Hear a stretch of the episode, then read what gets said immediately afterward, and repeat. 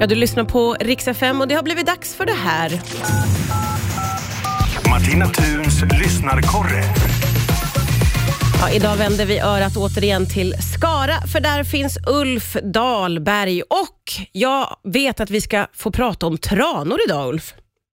Ja, det är faktiskt eh, dags att diskutera det här med tranor, för de använde ju faktiskt förra helgen den första tranan vid Hornborgasjön. Jag tänkte att ska vi belysa en lite annan synvinkel, skulle jag vilja säga. Ja, okej. Vad har du för annan synvinkel på de här första tranorna?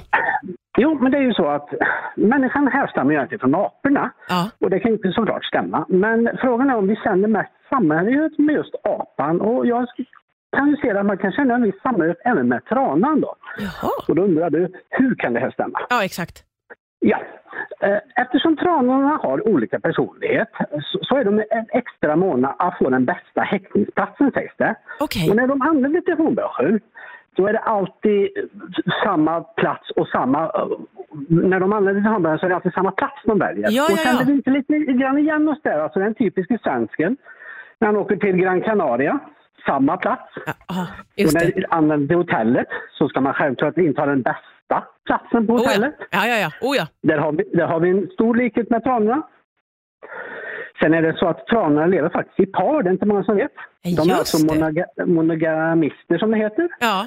Och, och, och själva den här trandansen, det är många som tror att det är en sorts parningsdans. Ja. Men det är, liksom, det är eh, faktiskt en mer dans som eh, signalerar, signalerar häckningen, alltså att de eh, ska känna tillhörighet mellan sig. Ja. Och det, liksom- det, har vi också det här med, mm, vi tänker oss lite vi människor, vi är ute på dansgolvet en kväll. Ja. Det kanske inte är direkt en parningsdans utan det handlar lite grann om om egentligen bara att lära känna personen i fråga. Ja, oavsett om det är Avicii eller om det är Lasse Stefan. Ja, ja, ja, du har ju helt rätt. Ja, precis. Ja. Det är ett sätt att närma sig lite.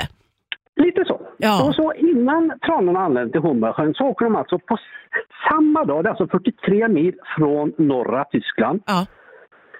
Eh, känner vi inte igen oss där också? Alltså, vi, vi, vi eh, människor, när det är dags för lite rattan tajtan, vad har vi varit då? Jo, då har vi varit i norra Tyskland och inhandlat både det ena och det andra, eller hur? Jag vet inte om det är en bred igenkänning, men visst kanske. Ja, en viss igenkännelse, ja. Ja. Och, jag, ja. Och, och så förr i världen så var det så att potatis, det var ju det som tranorna levde på. Man odlade faktiskt enbart enkommes för tranornas skull, potatis. Jaha. Och potatis, ja, vad säger vi där? Flertalet av oss svenskar vill ha potatis.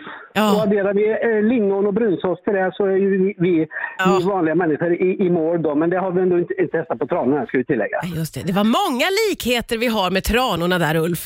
Ja, och nu för tiden ska jag också tillägga att man, nu odlar man inte potatis längre utan nu är det så att man, eh, man eh, ger dem korn, sädesslaget korn. Och korn, vad är det för basingrediens? Jo, i öl. Och då är vi tillbaka på dansgolvet och lite rattan. Och lite norra Tyskland och lite öl, ska vi allt. säga. Ja. ja, det var... frågan är egentligen om, om, om vi inte härstammar lite mer från tranorna än från aporna, även om det kan vara gott med en, en banan eller två ibland. Ja, eh, här fick vi mycket att tänka på. Tack för att du har öppnat våra ögon, Ulf Dahlberg. Vi hörs snart igen, hoppas jag. Tack så jättemycket Martina, ha det så gott!